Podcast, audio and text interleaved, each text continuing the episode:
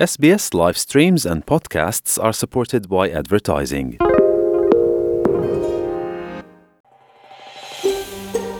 شما با پروگرام دری رادیوی اسپیس هستید گزارشات عالی را در sbs.com.au دری پیدا کنید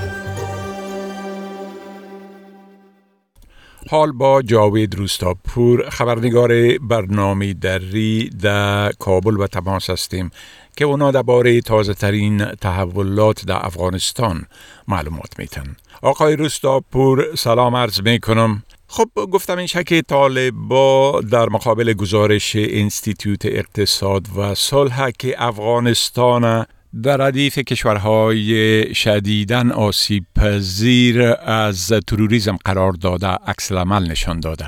اگر لطفا در ای باره یک مقدار معلومات بتین. با سلام و وقت بخیر آقای شکیب و شنوندگان عزیز. بله همان گونه که شما اشاره کردین اینستیتوت اقتصاد صلح در گزارش تازهش برای سومین سال متوالی افغانستان را در جمع کشورهای آسیب دیده از تروریسم قرار داده و به اساس این گزارش افغانستان در فهرست 163 کشور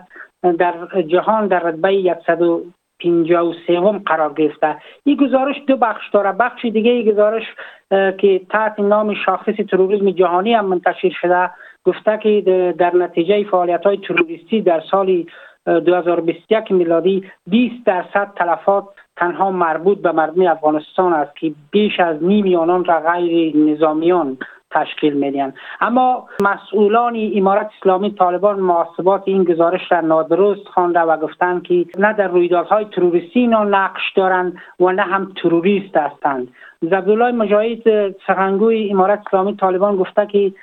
این محاسبه اشتباه است. ما برای آزادی کشورمان تاکید کرده که جهاد کردیم و وقتی هم که حالا کشور آزاد شده افغانستان امنیت سراسری داره و هیچ گروه تروریستی به گفته او در افغانستان حضور نداره و از افغانستان هیچ کشوری تعدید نمیشه به حساب که تروریست در اینجا فعالیت داشته باشند. در بخشی گزارش در بخش دیگه هم از فعالیت های داعش و برخی گروه های تروریستی در افغانستان اشاره شده اما سخنگوی گروه طالبات تاکید کرده که داعش آن گونه که به گفته از او رسانه های خارجی و نهادهای بین المللی تاکید می‌کنند در افغانستان حضور فیزیکی نداره و تا کنون منطقه خاصی هم به دست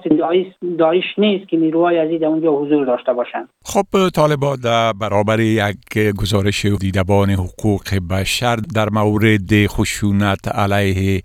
رسانه ها هم عکس عمل نشان داده. بله؟ دقیقا این نهاد روز گذشته یعنی 16 هوت با نشر گزارش گفته است که مقام های مسئول طالبان در ولایات مسئول خشونت گسترده علیه رسانه های افغانستان هستند و بیشتر رسانه ها نشرات خود را سانسور می‌کنند و پیش از سانسور باید مسئولان بخشی ریاست های اطلاعات فرهنگ محتوای گزارش ها و برنامه های رسانه های محلی را اینا فلتر کنند ببینن و بعد از اون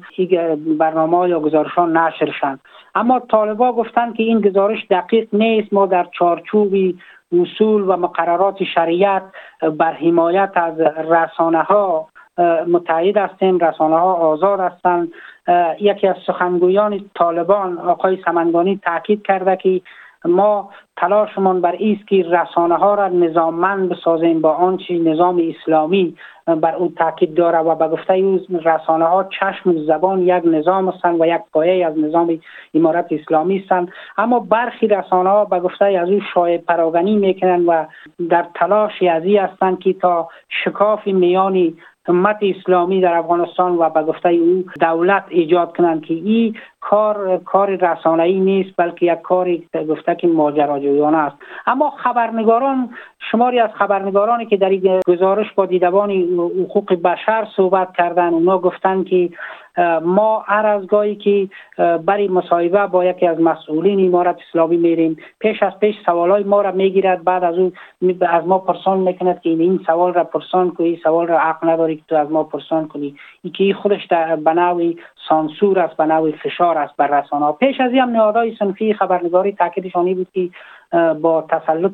طالبان بر افغانستان رسانه ها بیش از 60 درصد از فعالیت باز ماندن که بیشتر بخشی از مشکلی متوقف شدن فعالیت این رسانه ها هم فشار طالبان بوده است. بله خب گفتم این که قتل یک دختر به صورت مرموز در غرب کابل نگرانی های را ایجاد کرده. اگر در ای بار لطفا معلومات بتین بله منابع مردمی در سایه غرب کابل که مربوط حوزه دومی حوزه هفتمی امنیتی می‌شد گفتن که جسد دختر از میان زباله ها دریافت شده. در مورد هویت دختر تا کنون به صورت مشخص چیزی گفتن نشده و رسانه هم گزارش نکردن اما برخی از فعالان زن به نقل از منابع محلی در صفحات اجتماعی نوشتن که برای دختر نخست تجاوز صورت گرفته و سپس دست و پای از او با بسته شده و در میان زباله ها انداخته شده. قماندانی امنیه کابل هم تایید کرده که کشته شدن این دختر را ولی گفته که تا کنون در پیوند با این موضوع فرد یا گروهی متهم شناخته نشده و کسی هم بازداشت نشده. این موضوع واقعا نگرانی را در میان مردم برانگیخته و اینکه اگر که نیروهای امنیتی امارت اسلامی طالبا جلوی چنین کارهایی را نگیرند و متوجه نباشند مردم در آینده احتمالا با مشکلات زیادی روبروشن بخصوص ای که اینجا شهر است و شام شب مردم به طرف خانه هایشان میرن و کوچه ها بسیار دراز هستند طویل هستند برق هم نداره در تاریکی احتمال هر آن لحظه میرد که افراد فرصت طلب دزد و یاغی بر مردم مشکلات خلق کنند بله خب همچنان گفتم میشه که دست فروشان شهر کابل از برخورد افراد طالبا شکایت کرده و گفتن که اونا اذیتشان می‌کنن. بله؟ دقیقا این دست فروشان ادعا می‌کنن که برخی از افراد حکومت طالبان که در مربوطات اوضاع امنیتی اینا مستقر هستند اونها را اذیت می‌کنن کراچی هایی که دارن از یک ساحه به دیگر ساحه انتقال میتن و حتی از آنها باجگیری می‌کنن. طالبان به تمام دستفروشان گفتند که باید برای کارشان که یک جای مشخص در نظر گرفته شود و در اونجا کراچی هایشان را و کالاهایشان را جابجا جا بسازند و از اونجا فعالیت کنند اما دستفروشان عمدتا در کنار جاده ها چاره ها کار می‌کنند که از طریق کالایی که دارند دست فروشی که دارند آزوقه یا نفقه روزانه خود را پیدا می‌کنند. اینا در گذشته هم با مشکل مواجه بودن پلیس از یا باج می گرفت اما حالا طالبا هم به گفته از یا شروع کردن و تعدادشان در آخر روز میآیند که به صد افغانی برای ما بتین. ولی خالد زدران سخنگوی کماندانی امنیه حکومت طالبا در کابل اداره رد کرده و گفته که نیروهای آنها از هیچ کس پول تقاضا نکردند. او تاکید کرده که هر کس که شکایت هم دارد دروازه کماندانی امنیه بر رویش باز است و یک شماره تماس صد که شماره اضطراری پلیس است گفته به این تماس بگیره یا به حوزه مربوطه مراجعه کند. کماندانی امنیه کابل گفته که ما رد نمی‌کنیم که برخی از افراد ما شاید چیزی خواسته باشند اما به گونه رسمی اگر کسی ادعا دارد و اسناد و مدارک داره ما می‌تونیم او را به پنجه قانون بسپاریم. در سالهای گذشته شاروالی کابل از طرح ایجاد یک مکان مشخص برای دستفروشان خبر داده بود. اما سالها از این طرح گذشت و دستفروشان همچنان در جاده های کابل سرگردان بودند و تا حال هم این جای مشخصی برای از یا در نظر گرفته نشده که این مسئله یک مشکل دیگر هم به بار آورده که پارکینگ برای منترا نیست پیاده هم در بسیار موارد یا بند می‌کنن و سبب عبور و مرور و گیردار بیشتر در سطح شهر می شود بله خب بسیار تشکر آقای روستاپور از این معلوماتتان و فعلا شما را به خدا می سپارم و روز خوش برتان آرزو می کنم وقت شما خوش خدا حافظ ناصرتان. بپسندید شریک سازید و نظر دهید. اسپیس دری را در فیسبوک تعقیب کنید.